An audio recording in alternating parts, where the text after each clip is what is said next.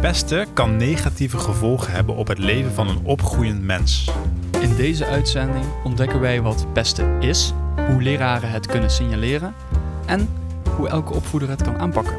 Na het delen van onze eigen visie en een duik in de wetenschap gaan wij in gesprek met socioloog Dr. Danelien van Aalst. Zij is gespecialiseerd in de rol van docenten rondom pesten. Lars, we gaan beginnen.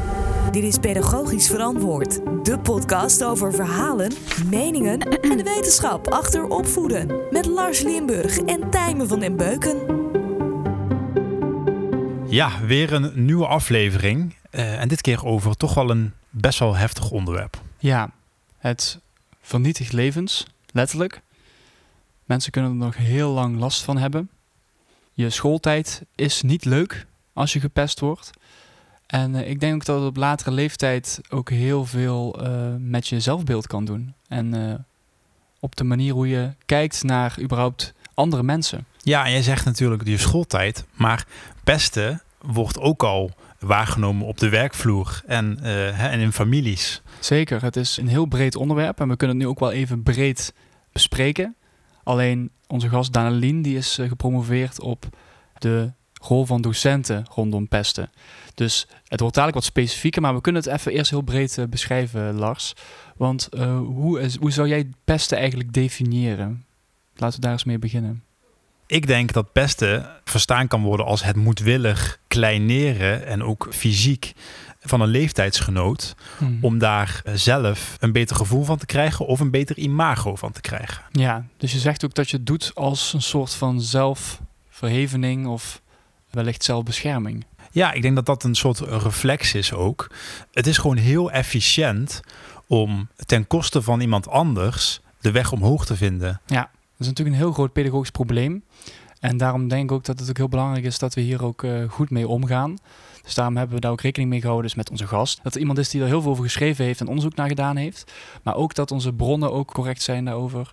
En dat we misschien ook wat dingen uit ons uh, persoonlijke leven kunnen delen of wat anekdotes daarover? Ik denk dat je het niet kan voorkomen dat je ook je eigen kwetsbaarheid hierbij uh, benoemt. Want daar gaat het wel over. Zeker. Over zeker. kwetsbaarheid. Ja. En ik vind het wel fijn dat we uh, dit thema kunnen bespreken rustig hier aan mijn tafel thuis. Ja, huiselijk. ja, inderdaad, in alle rust.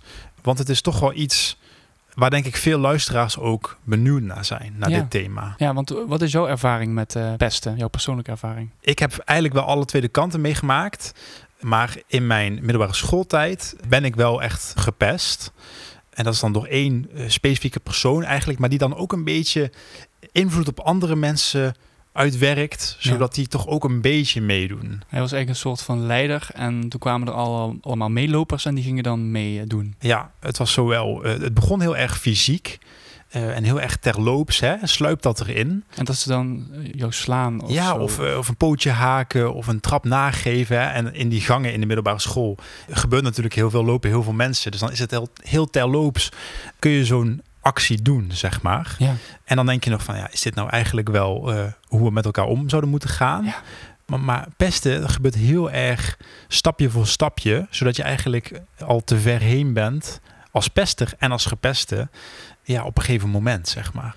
Heb je een verklaring waarom jij werd gekozen om uh, getreiterd te worden? Nou ja, ik was natuurlijk ook wel onzeker op de middelbare school. Veel dingen waren nog spannend.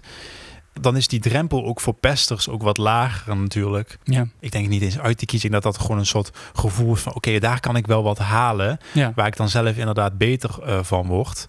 Uh, maar ik moet je wel zeggen, Tijmen, ik, ik, ik heb wel een idee waarom deze specifieke persoon zijn uitvlucht, want dat is het eigenlijk ook. Hè? Ja. Uh, het is ook een slachtoffer, een pester, denk ik. Ja. Uh, zijn uitvlucht daarin zocht. Omdat hij zelf natuurlijk ook met bepaalde dingen rondloopt. Uh, ja, natuurlijk. Zo'n kind is dan ook op een kwetsbare leeftijd uh, met alle onzekerheden van dien. En dat is niet dat hij puur kwaad is of zo. Nee, ik heb daar veel moeite mee gehad. Ik heb het ook een beetje voor mezelf gehouden. Tot het moment dat het gewoon ja, ook in de buurt gebeurde. Dus niet alleen op school.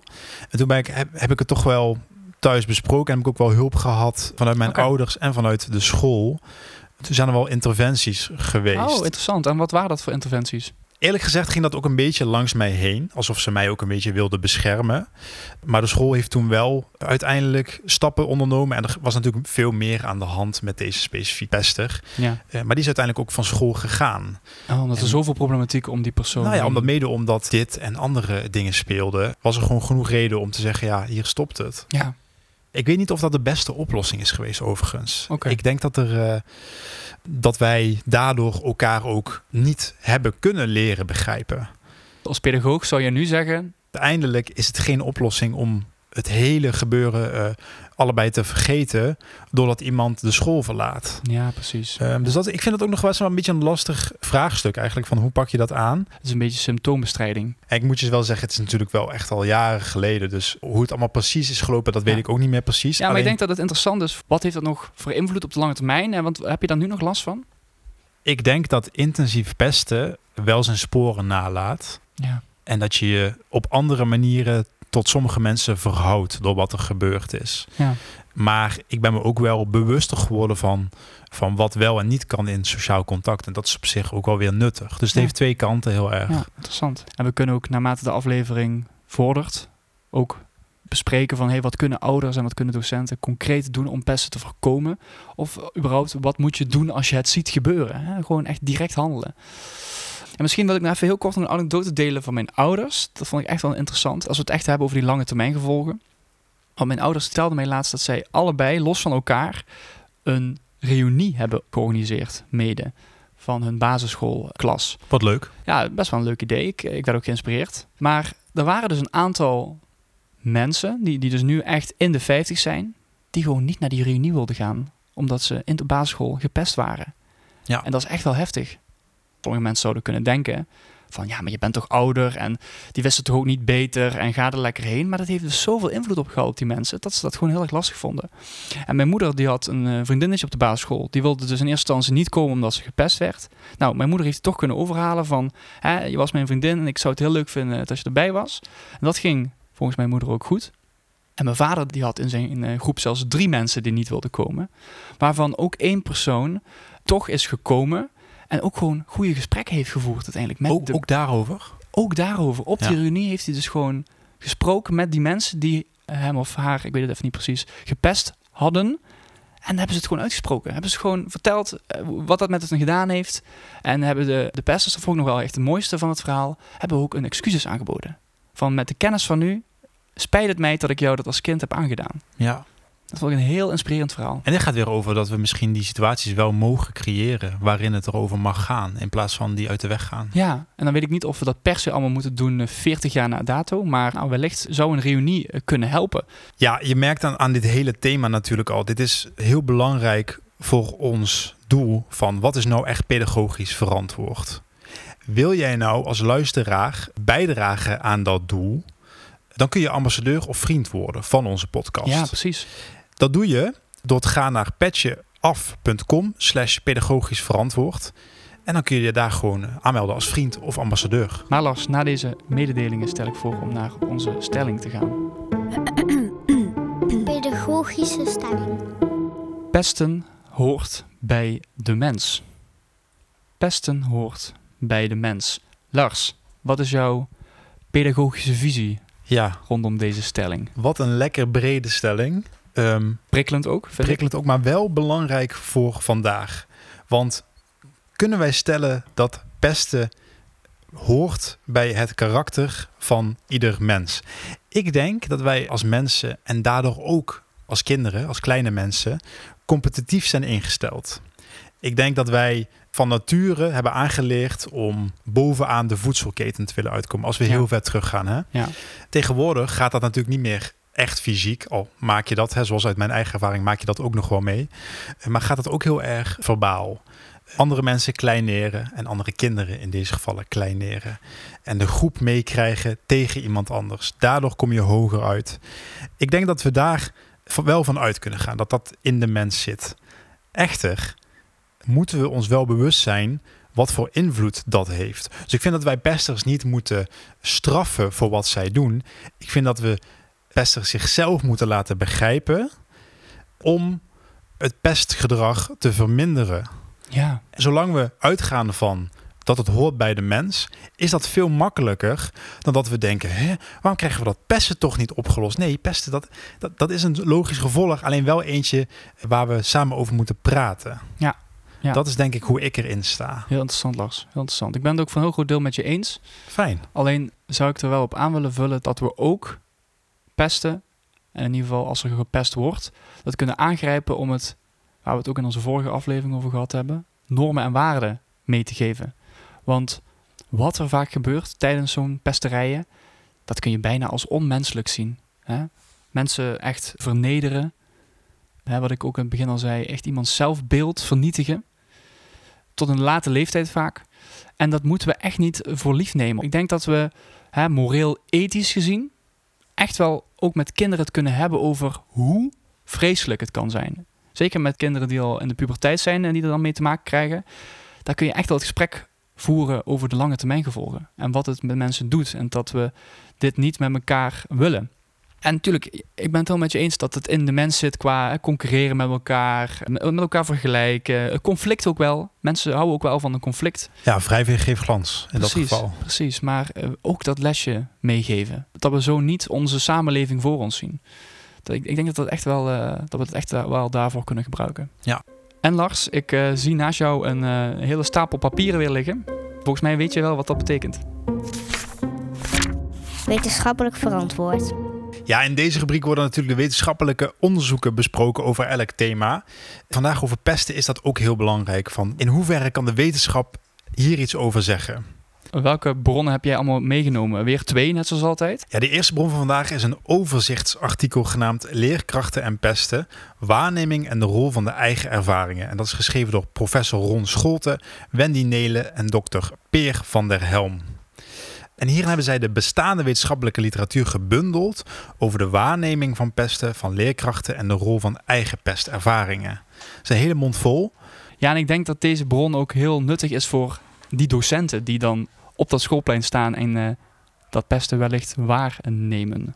Ja, wat in deze bron duidelijk naar voren komt, is dat in veel gevallen waarin gepest wordt, de leerkrachten die handelen gewoon niet, als je de leerlingen mag geloven. Oké. Okay. Veel leerkrachten denken echter dat ze wel handelen en dat ze ook effect hebben met hun handelen. dus dat is een beetje, een beetje twee verschillende visies die niet echt uh, overeenkomen. Ja, dat is een beetje een ja-nee spelletje eigenlijk, ja. zegt het uh, ja. artikel. Veel leerkrachten zien fysiek pesten wel als pesten, maar relationeel en verbaal pesten niet. Nou ja, dan mis je heel veel pesten. Ja, en ik vind het ook wel, wel heftig dat dat hier staat. En natuurlijk zegt dat niet iets over alle docenten en leerkrachten, maar uh, het wil dus wel zeggen dat het er een aantal zijn die dit toch wel uh, doen. Ja, en je hoort ook vaak het timen, woorden doen soms veel meer pijn nog dan schoppen of slaan. Ja, en toch om even voor die docenten op te komen, voor een deel. Het kan ook heel geniepig gaan, hè? Want je weet ook misschien wel van vroeger, van, dan draait de docent zich om en dan kunnen leerlingen gewoon iets doen, hè? Ja. En dan draait hij weer zich om en dan is het gewoon verdwenen. Ja, dat was ook een soort uh, wedstrijd. Ja. En dan is de vraag, ja, wie heeft het gedaan? Ja, nou, moet daar maar eens, uh, ja, moet daar maar eens opkomen. Wat dan weer heel interessant is, ook omdat wij onze eigen ervaringen vandaag hebben gedeeld, is dat leerkrachten die zelf slachtoffer zijn geweest van pesten, het wel beter waarnemen. En dat is dan selectieve aandacht. Kijk, het is natuurlijk heel mooi dat deze docenten daar een extra aandacht voor hebben. Maar ja, dat is natuurlijk gebaseerd op hun eigen vervelende ervaringen. Dus dat heeft al een vervelend begin eigenlijk. En jammer dat dat dus nodig is om betere hulp te bieden. Terwijl, ja, dat zou natuurlijk niet moeten. Iedere Nee. docent zou dat gewoon net zo goed als die gepeste docent moeten kunnen zien. Ja, maar ben je het er ook niet met mij eens dat het hoeft niet per se een pestervaring te zijn om je kwetsbaar op te stellen? Zeker niet. je kan van alles hebben meegemaakt, wa- waardoor het voor anderen makkelijker is om ook hun verhaal te doen. Ja, tuurlijk, tuurlijk. En het heeft ook met je persoonlijkheid te maken, denk ik.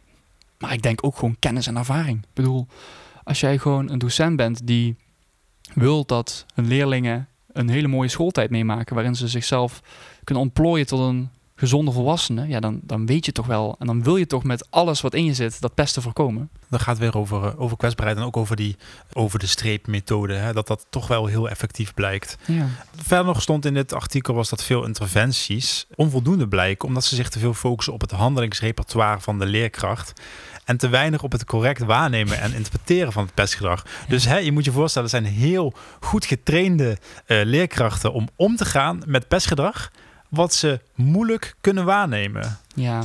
ja, dat is dus wel heel dubbelzinnig. Dus eh, ze hebben allerlei methodes. Ze weten precies wat ze moeten doen, eh, hè, mocht het op de voorgrond komen. Maar het zien, dat ligt nog redelijk op de achtergrond. Dat is wel essentieel. Ik vind het een beetje een, eh, een pessimistisch, negatief artikel, eh, Lars. Ja. En natuurlijk, eh, je hebt het geprobeerd zo goed mogelijk samen te vatten. En als luisteraars het hele artikel willen lezen, dan kunnen ze dat natuurlijk doen in de show notes. Maar Lars, je hebt eh, een tweede artikel meegenomen. Hopelijk is die wat positiever. Nou zeker, dit artikel gaat ook een beetje over wat werkt nou wel. Dit is een artikel uit het tijdschrift Conflicthantering over het doorbreken van het taboe van pesten. En dat is geschreven door sociologen Gijs Huidsing, Dr. Bo Oldenburg en René Veenstra. Oké. En daar staat in, pesten zorgt bij zowel de slachtoffers als bij de pesters voor problemen en gevolgen op latere leeftijd. Ja, dit is wat ik ook al eerder zei, hè? die pesters die zijn ook slachtoffer. Ja. Hierin staat ook dat gespreksvoering de beste manier lijkt om de problemen aan te pakken. En dit is gebaseerd op een drietal uitgangspunten. Oké, Zullen we die even langs gaan? helemaal goed.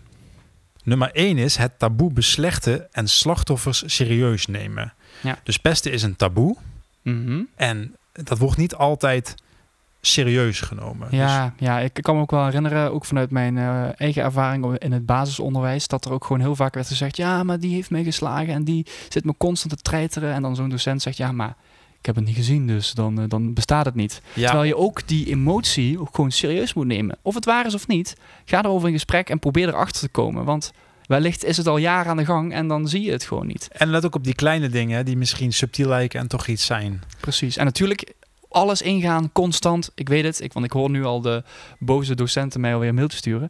Dat ze daar ook geen tijd voor hebben natuurlijk. Alleen er is een verschil tussen wanneer een kind dat constant aangeeft. Die, die jongen zit me constant te vervelen. En hè, zo- zo'n kind die dat doet voor aandacht. Daar krijg je op een gegeven moment echt wel voelsprieten voor. Precies. Nummer twee is de verantwoordelijkheid voor de oplossing bij de gehele groep leggen. Nou, dat vind ik een hele Oh. mooie. Want je hebt natuurlijk in zo'n dynamische groep allerlei rollen. Ja. Je hebt een pester en je hebt een gepest kind. Maar daar stopt het natuurlijk niet. Hè? Je hebt ook instandhouders. Je hebt kinderen die juist wel proberen om wat te doen, maar niet weten wat. Ja. Eh, je hebt de stille, je hebt de luide, je hebt de grappenmakers. Ja, ja, en ook in onze persoonlijke anekdotes. Hè. Jouw, jouw mooie persoonlijke voorbeeld en ook mijn voorbeeld. Daarin komen die meelopers toch ook heel erg naar voren. En die dragen ook gewoon bij. Hè. De mensen die niks doen bijvoorbeeld. Of, dat is ook gewoon het klimaat in stand houden. Exact, ja. dus gewoon met inderdaad. hele groep gewoon erover hebben of zo. Hè. Dat Ja. is al misschien een mooi praktisch idee. Ja, zo van, jongens, we hebben toch samen een vraagstuk waar we mee aan de slag moeten gaan. En dan zie je ook vaak dat klassen van die bepaalde afspraken of regels maken. hè, en die dat dan opschrijven en dan in het klaslokaal hangen. Dat zie ik wel vaak. En dan ben ik ook benieuwd of dat werkt. Misschien kunnen we dat ook dadelijk aan, eh aan Danelien vragen. Ja, die derde gaat nog een beetje over wat jij net zei over wie heeft wie nou geslagen. Daar moet het eigenlijk niet te vaak mee over gaan. Want er is iets gebeurd en daar moeten wij in de toekomst mee aan de slag. Ja, want anders wordt het alleen maar symptoombestrijding. Hè? Want, eh, nou, dan komen we erachter wie wie geslagen heeft. Nou, je moet ermee stoppen, jij moet ermee stoppen en klaar. En wat ik nog het allerergste vind, Lars, daar wil ik het echt even, nu even met je over hebben. Wat vind je ervan dat kinderen geforceerd worden om elkaar sorry te zeggen? Terwijl je ziet aan één van de kinderen, of misschien aan allebei van de kinderen, dat er niks van gemeend wordt. Nee, we geven nu een hand of zo. We geven nu een hand. Ja. Ja. is het afgelopen. Werkt dat volgens jou? Nee. maar ik denk dat het weer voor die leerkrachten, ik denk dat er vaak gewoon te weinig tijd is. En dan moet je naar een oplossing Ja. eh, toe. Maar het moet daar niet over gaan. Het moet niet gaan over dat ze per se sorry moeten zeggen. Het gaat erom dat ze iets inzien, dat iets niet kan. En dan kan een excuses een middel zijn, maar dat is niet altijd gewoon hoe het werkt. Ja, maar moet ik wel zeggen, Tijmen, die kinderen zijn ook nog aan het groeien, aan het ontwikkelen. En al die normen en waarden die jij nou eh, zo hoog in je vaandel hebt gezet, Mhm. die hebben hun misschien nog niet helemaal Ja. Ja, eens. Alleen dan moeten we er niet van uitgaan dat als we ze dat hebben geleerd, dat excuses aanbieden, waarvoor, waar ik helemaal voor ben om dat, die etiketten aan te leren, maar dat we ze laten zien wat het betekent en wat het inhoudt. En niet, oké, sorry zeggen, dan is het afgelopen en als je daar keer omdraait, dan geven ze elkaar weer een map. Ja, dat, zo werkt het niet. Het moet gaan over de betekenis. En, en sorry zeggen, dat wordt naar mijn idee veel te snel en veel te veel ingezet als even een snel redmiddel van sorry zeggen, klaar, verder spelen. Ben ik met je eens. Ik denk dat dit mooie artikelen zijn om mee te nemen naar onze gast van vandaag. Ja, want zij is dus een tijd geleden gepromoveerd op pesten en de rol van docenten daarbij. Ja, dat is natuurlijk de perfecte gast voor deze aflevering, Lars. En wat mooi is, dit is de gast die het dichtst bij woont bij jou ooit. Ja, Want zij woont gewoon letterlijk bij jou in de straat? Nou ja, inderdaad. Ongelooflijk. En dat is goed geregeld. Ja, we kunnen dus gewoon nu met de voet naar de gast. Eh, Lars, we hoeven niet eens eh, in te pakken, bij van spreken. Ja. Nou, ik wil even zeggen, Lars, voordat we gaan. Op het moment dat wij naar de gast aan het lopen zijn nu, horen de luisteraars zo'n eh, leuk deuntje. En terwijl dat deuntje aan het spelen is, ga dan even naar de podcast-app waarop je aan het luisteren bent. Ga even naar ons profiel en geef ons even vijf sterren. Want als je dat doet, dan kunnen mensen die ook op zoek zijn naar interessante thema's rondom opvoeding ons beter vinden. Alvast bedankt en eh, alvast veel luisterplezier dadelijk bij Daneling.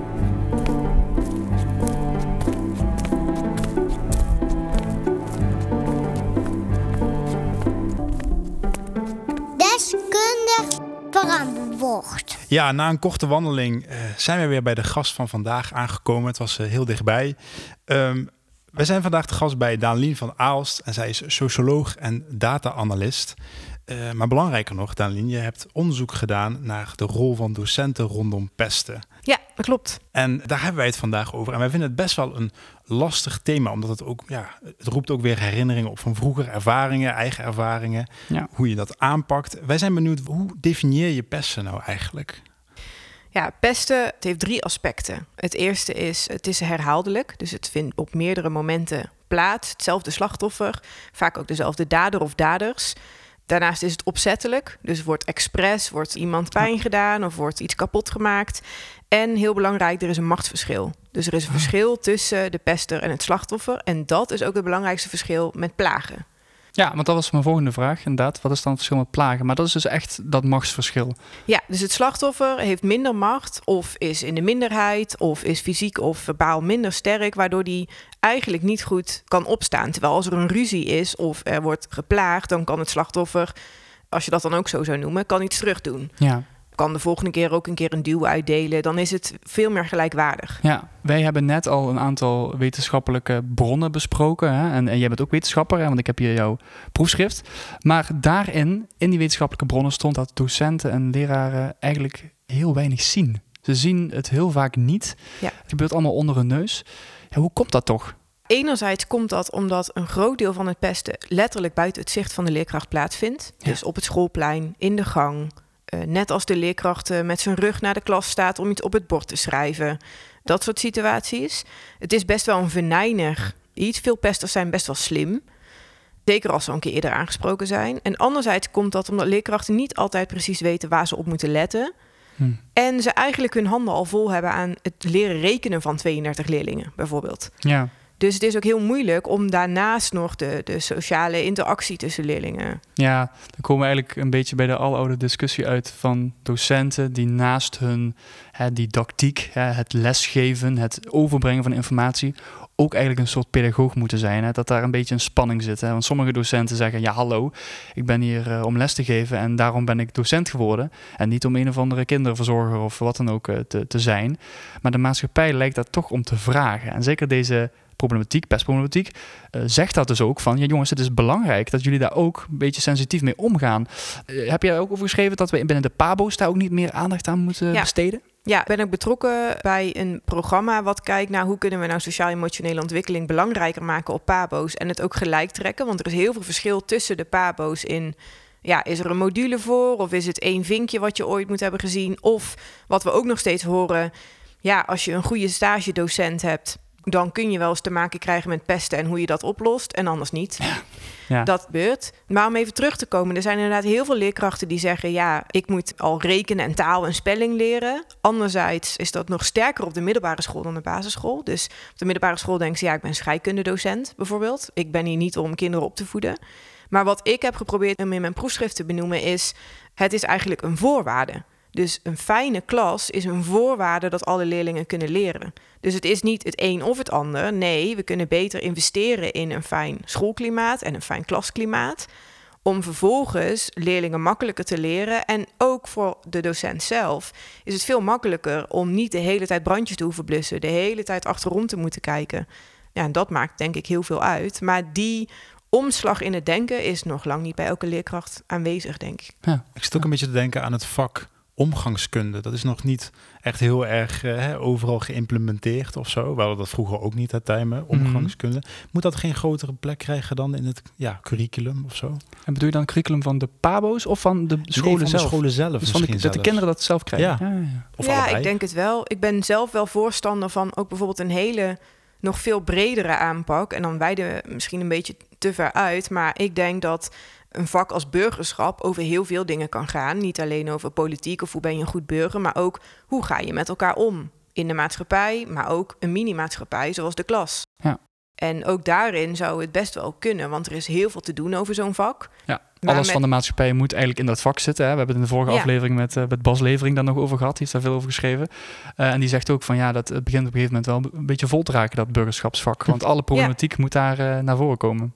Ja, dus ik denk ook dat het best wel lastig is om dat in een vak een plek te geven. Hm. Maar als het in een vak zou passen, inderdaad omgangskunde of later op de middelbare school, een soort van tussen maatschappijleer en burgerschap, daar zou het ook prima passen. Ja. Maar eigenlijk zou het in elke les kunnen, Ja, om ja. het gewoon te benoemen. ja, dat je het gewoon soort van onderlaag, Ja, fundament. Volgens mij moet elk vakje een soort van maatschappelijke relevantie laten zien. Hè. Zeker als je het hebt over de motivatie van kinderen überhaupt. Hè. Van, want dat is de grootste vraag van kinderen op de middelbare school. Waarom moet ik dit eigenlijk weten? Ja. Zeker bij De wiskunde. of- stelling van Pythagoras. Ja, zo van wat heb ik hier aan als ik dadelijk wat dan ook ga doen? En eh, ja, dan moeten de docenten toch wel een uitleg geven. En vaak zeggen ze dan, ja, naar mijn idee, niet zo slim van ja.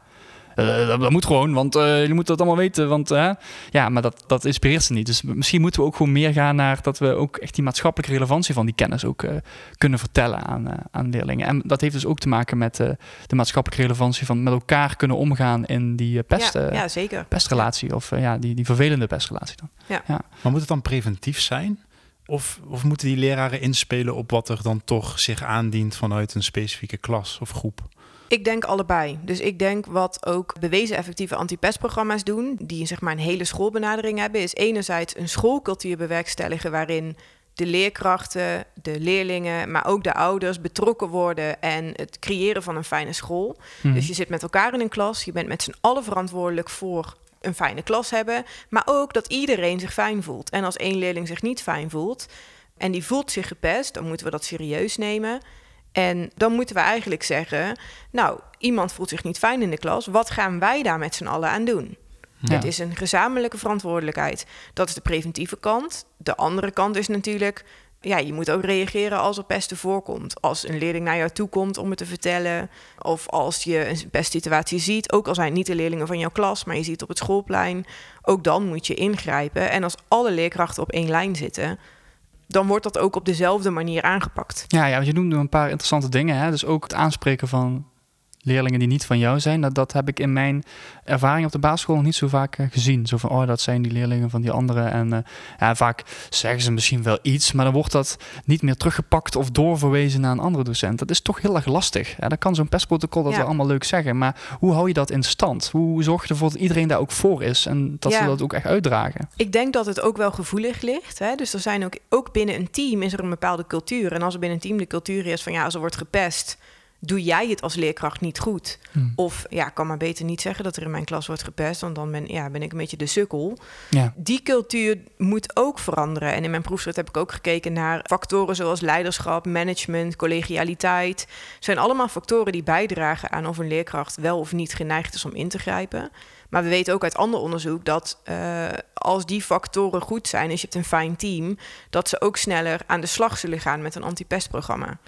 Dus ook leerkrachten zelf moeten regelmatig getraind worden, moeten allemaal met de neus dezelfde kant op staan. En ja, ook een directeur heeft daar echt wel een voorbeeld in. ja, begin dus eigenlijk bij het management. Ja, ik denk dat op elke laag er cruciale elementen zijn om het, om het een succes te maken. Ja. En je moet het niet opleggen, maar je moet wel de leerkrachten op zo'n manier erbij betrekken dat zij ook inzien, ja, dan heb ik ook een fijne werkplek en dan is het ook fijn om in deze klas te staan, want het is een fijne klas. Ja. Maar ook als het een keer misgaat of als het toch wordt gepest, kan ik bij mijn collega's terecht. Ja. Of als ik hele boze ouders krijg die niet willen aannemen dat hun kind pest, hè, want dat is natuurlijk ook heel lastig.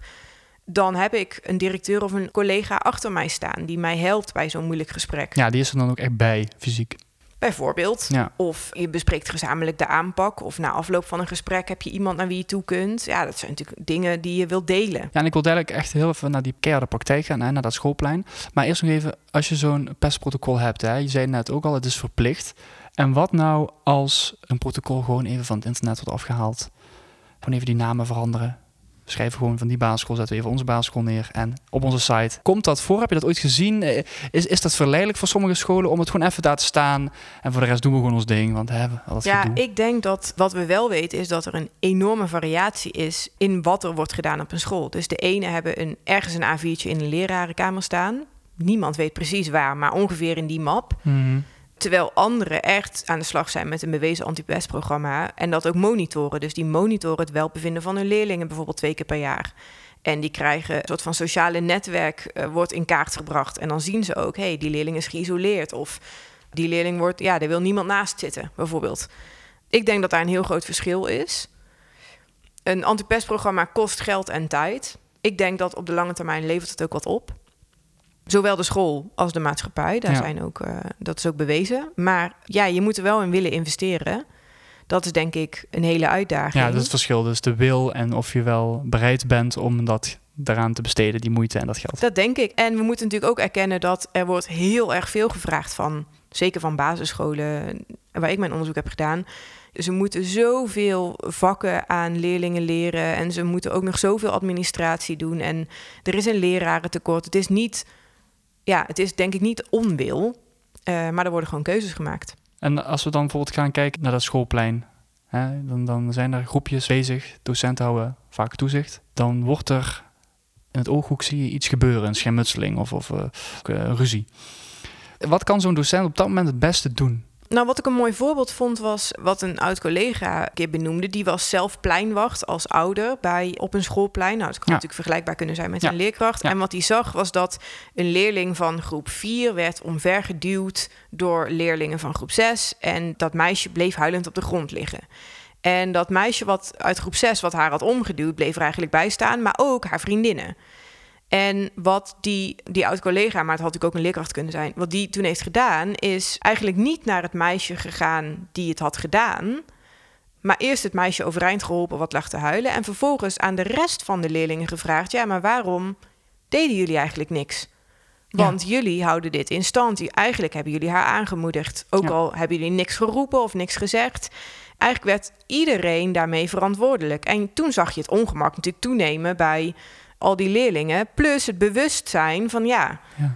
inderdaad, omdat wij hier ook stonden, bleef het maar doorgaan. Ja. Stopte het niet. En vervolgens besproken met het hele groepje van ja, wat gaan jullie de volgende keer doen?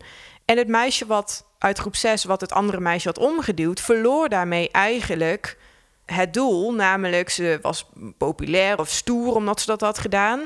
Maar opeens, de volgende keer zouden al die meisjes weglopen. Ja, dan, dan was het hele doel weg. Ja, Je moet goed inspelen op waarom wordt er nou gepest. Dat is een gouden greep eigenlijk hè, van die persoon op dat moment.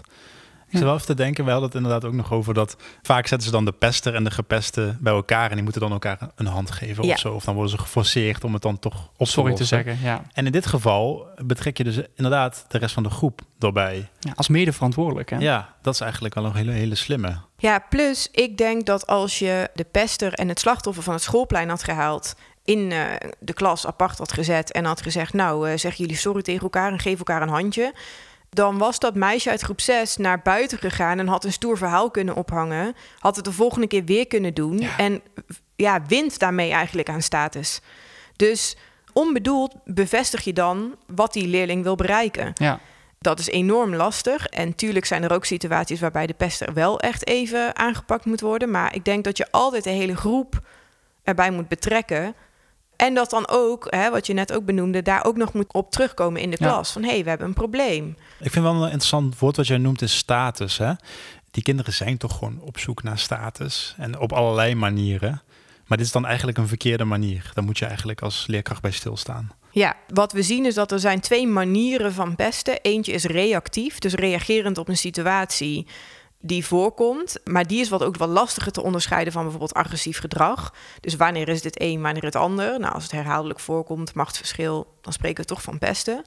Maar het andere is eigenlijk het strategisch pesten. Dus leerlingen hebben een doel, namelijk ze willen populair gevonden worden of ze, ze- ja, ze willen de stoerste van de klas zijn. Of zelf niet gepest worden.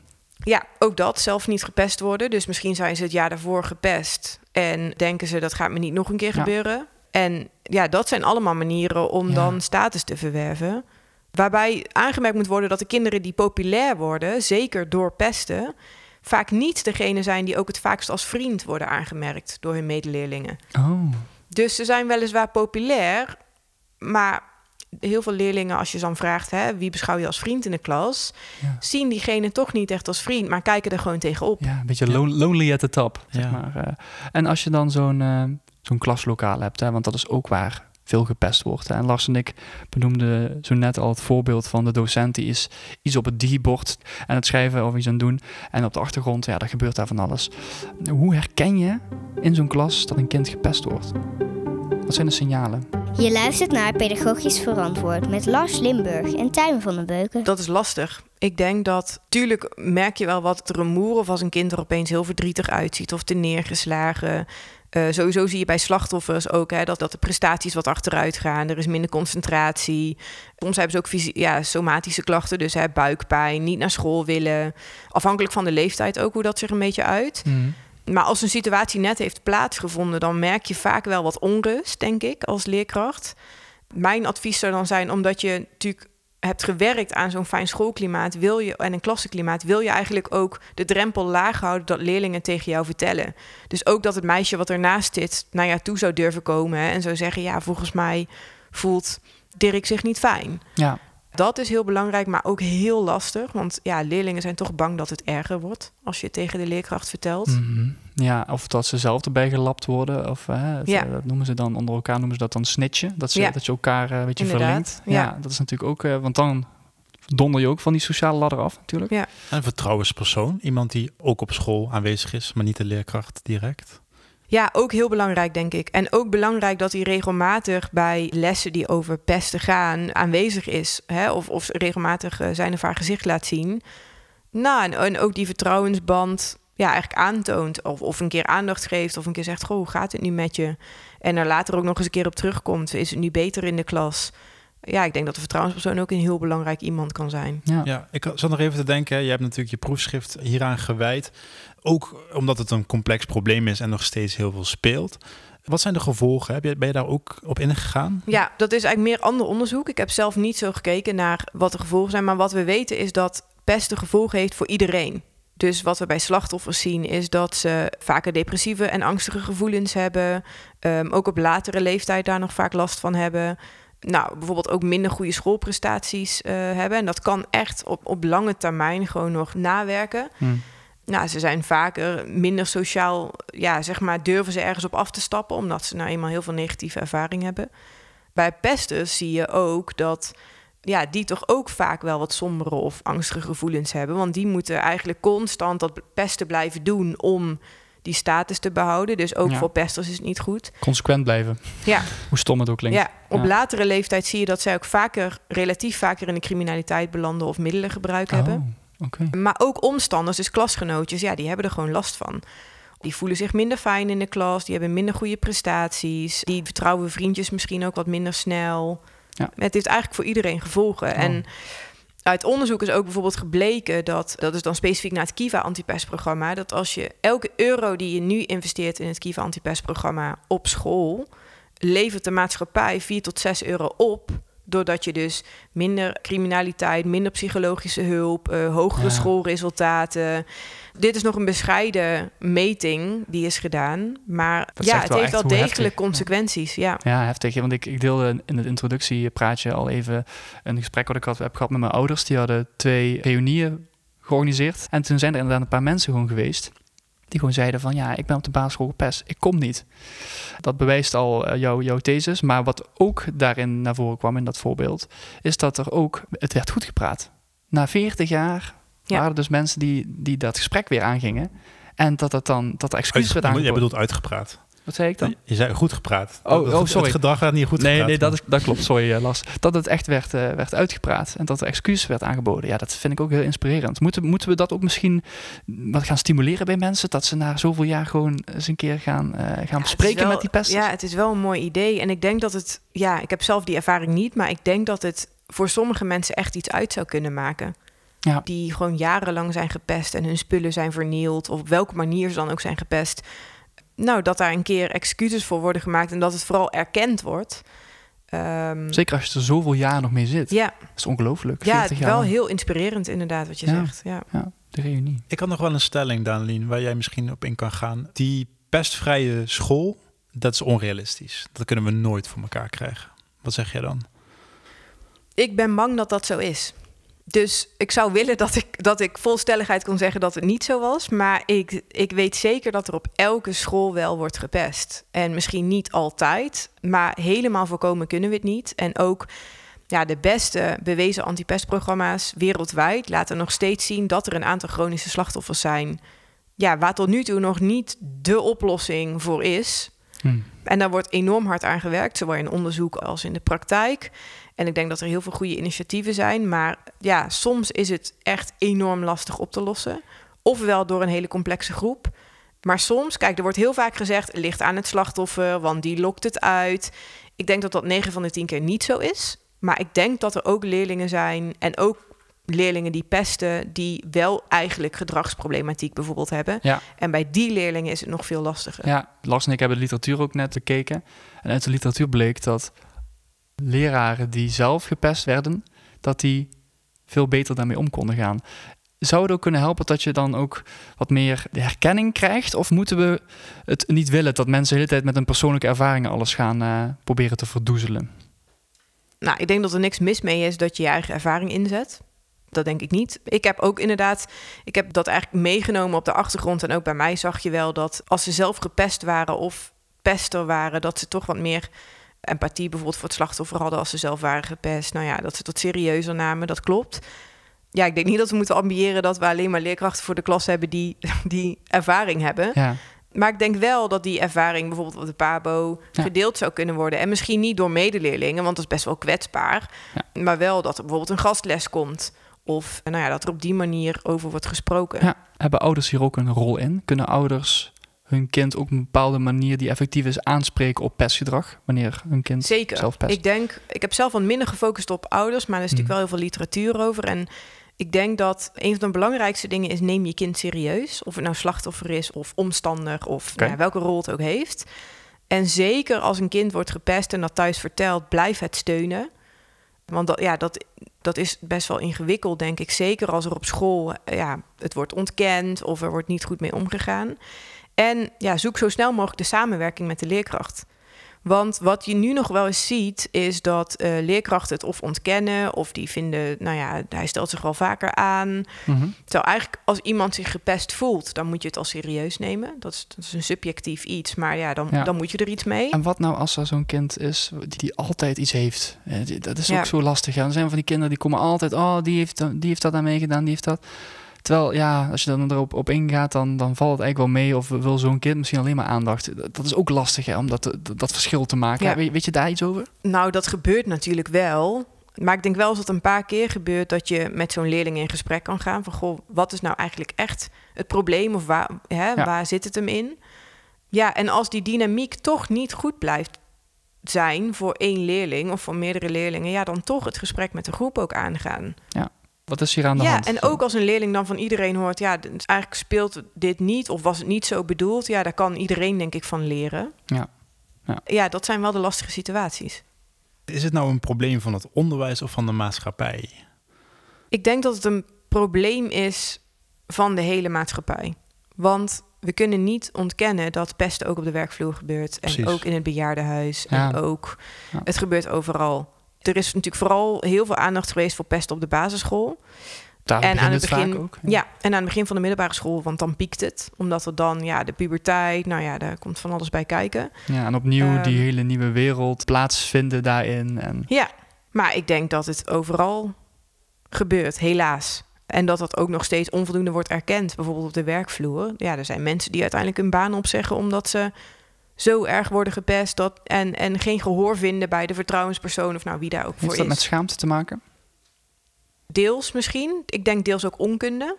Wat moet je dan als volwassenen elkaar pesten? Of als bejaarden elkaar pesten? Ja. Ja, dat is best wel lastig. Mm. Eh, daar bestaat niet een programma of een, een Nee. iets voor. En ik hoor van eh, vriendinnen van mij die in de ouderenzorg werken, daar hoor ik dat het echt venijnig kan zijn. Dat ze echt dan expres een eh, wandelstok uitsteken en zo. Dat ze Ja. niet bij elkaar aan de tafel gaan zitten voor bingo en dat soort dingen.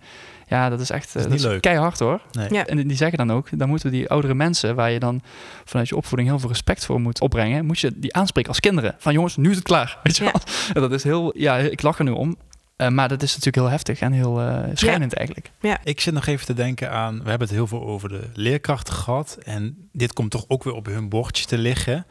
Maar misschien ook omdat jij zegt dat het een probleem van de maatschappij is, moeten wij niet met z'n allen bezig gaan om ja, hier iets aan te doen. Dus moeten we niet altijd bewust zijn van, van pesters en gepesten. Ja, of moeten we niet gewoon accepteren dat het erbij hoort of zo? Omdat, eh, ja, je zei net al van het is gewoon onderdeel van hoe wij met elkaar omgaan blijkbaar, want het komt overal voor. Ja. Moeten we ook niet, niet een soort acceptatie daarvoor ontwikkelen? Nee, liever niet, denk ik. Omdat pesten is nou eenmaal schadelijk. En eigenlijk zouden we met z'n allen de houding moeten hebben... we accepteren dat niet van elkaar. Ja. En elkaar ook durven aanspreken. Nou hebben we wel een maatschappij waarin dat denk ik heel lastig is. Überhaupt elkaar op iets aanspreken soms. Ja. Ik denk niet dat we het moeten accepteren. Ik denk dat we ons moeten blijven inzetten om dat tegen te gaan.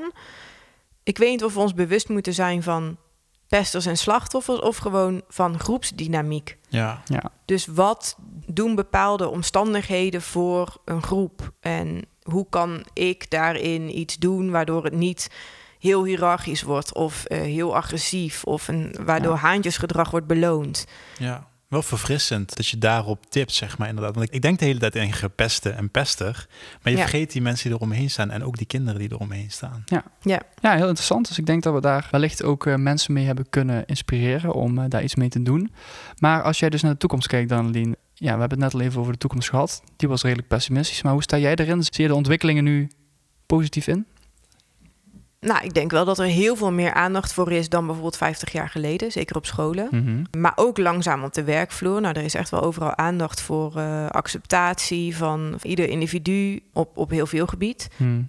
Dus ik zie het optimistisch in, in de zin van, nou, er zijn heel veel scholen mee bezig. En ik denk ook dat het de intentie van elke leerkracht is om een fijne klas te creëren.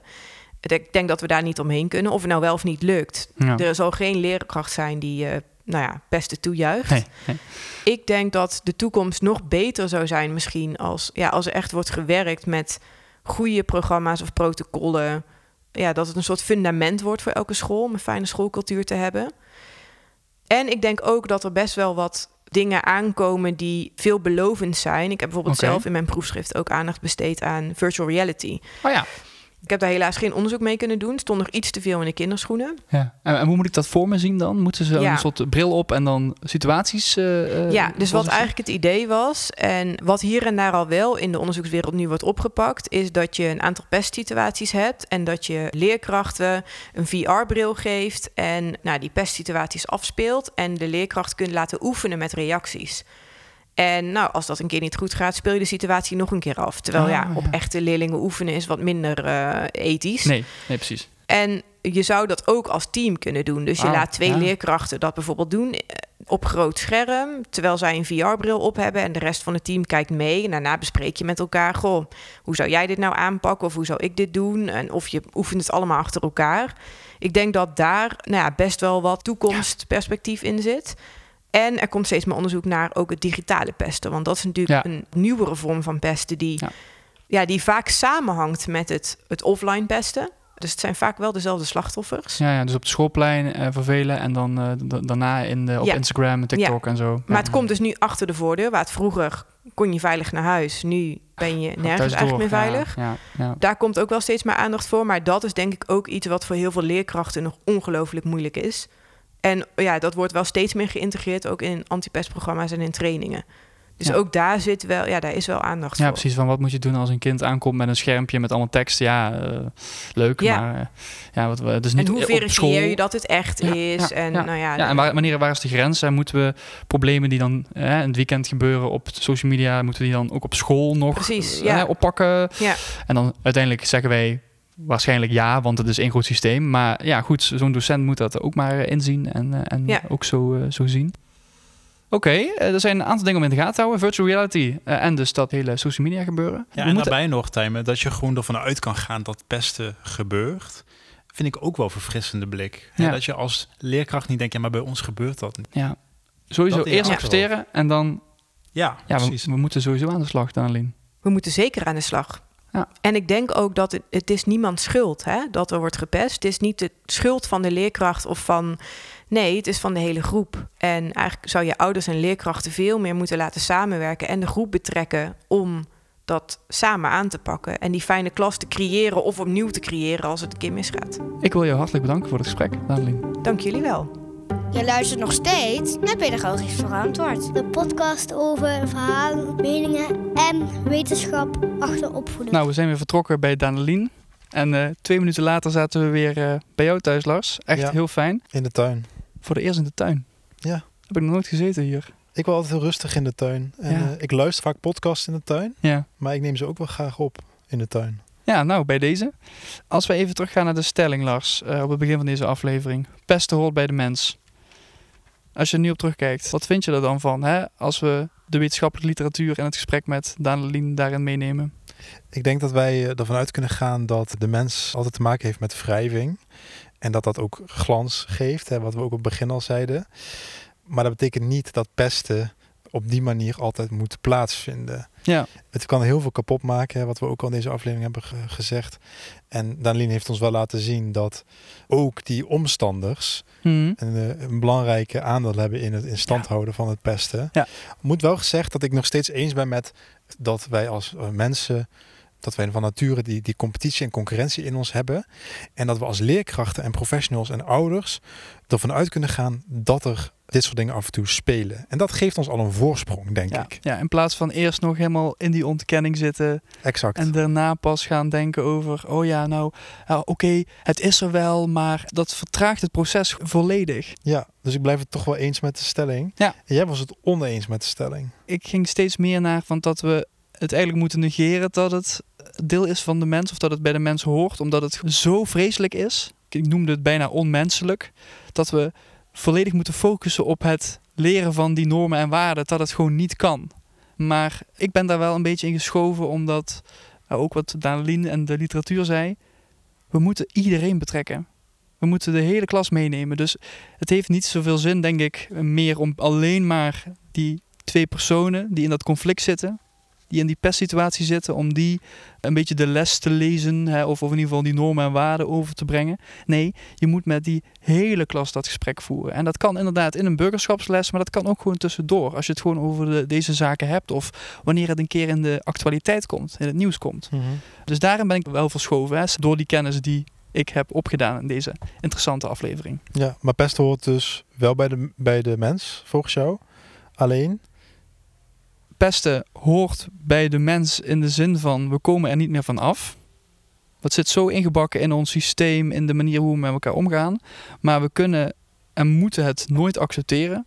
En we moeten een groep als geheel daar constant op blijven aanspreken en erover hebben. En niet inderdaad die pestprotocollen gebruiken als een papieren tijger, als een moedje. Maar echt als een, een middel om die gesprekken aan te gaan met die kinderen. En ook, je mag als professional en als ouder ook je, je passie wel vinden in het, in het beter maken van het klimaat. Hè? Dat mag voor mij wel een, een soort intentionele doel zijn. Ja, precies Lars. Goed dat je dat zegt. En dat zou ook wel het antwoord zijn op de vraag van wat kunnen wij er nu in de praktijk mee? Hè? Dat is gewoon dat, wat jij nu zegt. Het Ja. in de praktijk brengen. En als we ingaan op jouw situatie, het persoonlijke verhaal wat jij verteld had op het begin van de aflevering over het, over het feit dat jij gepest bent. Zie jij, zie jij zo'n reunie zitten? Nou, ik heb misschien wel vaker verteld, mijn schooltijd, ik was nooit altijd zo gemotiveerd. Dus dat heeft ook invloed gehad op hoe ik met hè, mijn medescholieren omging. Dus Ja. die reunie, daar- ik zit daar niet per se heel erg om te springen of zo. Ik zou het nog wel heel interessant vinden om een keer dat gesprek aan te gaan met die pester, wat ik niet, geen pester mee wil doen, maar ook slachtoffer van wat hij heeft meegemaakt en zijn Ja. situatie. Dat zou ik wel vruchtbaar vinden. En jij luisteraar, mocht jij iemand kennen die deze kennis, die deze inzichten kan gebruiken rondom pesten, stuur deze aflevering door. En op deze manier komen zoveel mogelijk mensen in aanraking met deze informatie. Voor nu ehm, kun je ons volgen op alle podcastkanalen en op de social media kanalen, Twitter, Yes. TikTok, Facebook en Instagram En LinkedIn en LinkedIn. zijn overal Lars. En voor nu blijf zoveel mogelijk. Pedagogisch verantwoord. Tot de volgende keer.